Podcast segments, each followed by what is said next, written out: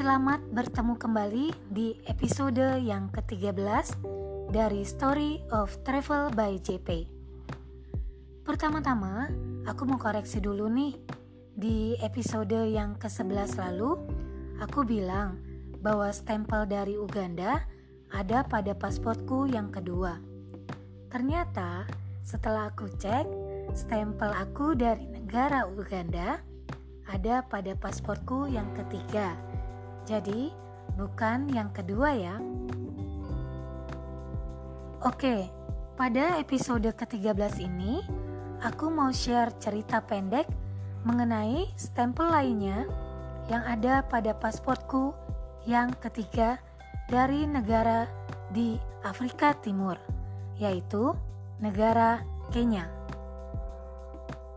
Seperti yang pernah aku ceritakan sebelumnya, di episode yang ke-11 bahwa aku pernah bekerja di negara Uganda selama kurang lebih 6 bulan. Tepatnya di ibu kota Uganda yaitu kota Kampala. Nah, jadi selama aku di Uganda, aku juga bermain ke negara Kenya sebanyak dua kali. Pertama itu, aku ke Kenya bersama kolega di kantor, perempuan Uganda asli dari perusahaan yang berbeda. Sedangkan yang kedua kalinya, aku ke Kenya itu sendirian. Sendirian, seru banget loh. Bayangin aja, aku sendirian lewat jalan darat, naik bus umum, lintas negara, dari Uganda ke Kenya melewati perbatasan Busia. Jadi, Busia adalah suatu wilayah perbatasan antara negara Uganda dan negara Kenya. Kota Busia ini uh, letaknya di distrik Busia. Benar-benar pengalaman yang luar biasa yang aku suka banget dan gak akan terlupakan. Oh, dari bus kami turun semua jalan kaki ke tempat imigrasi. Kemudian setelah urusan imigrasi selesai, kami berjalan kembali menuju bus untuk lanjutkan perjalanan.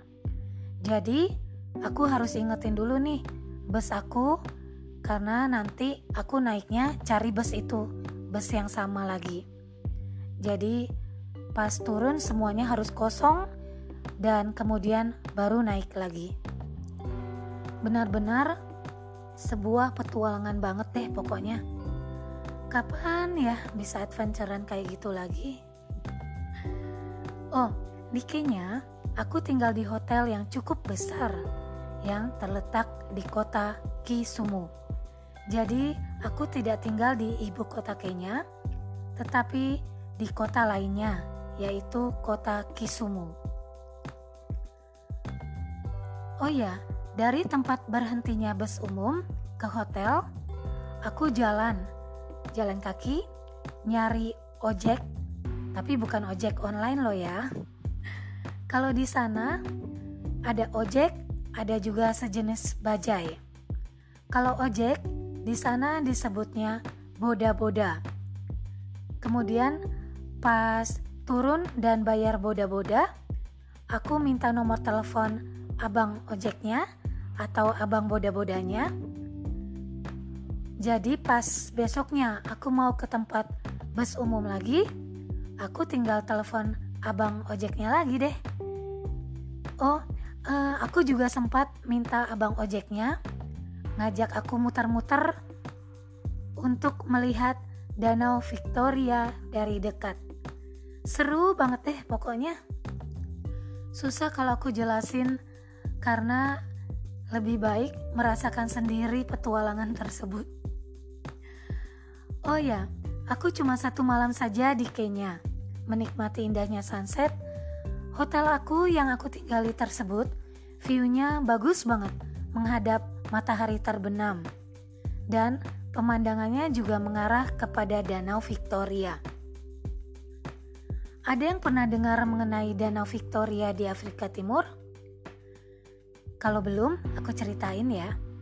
Danau Victoria, kalau yang aku baca dari internet, itu adalah danau terluas di Afrika berdasarkan wilayah.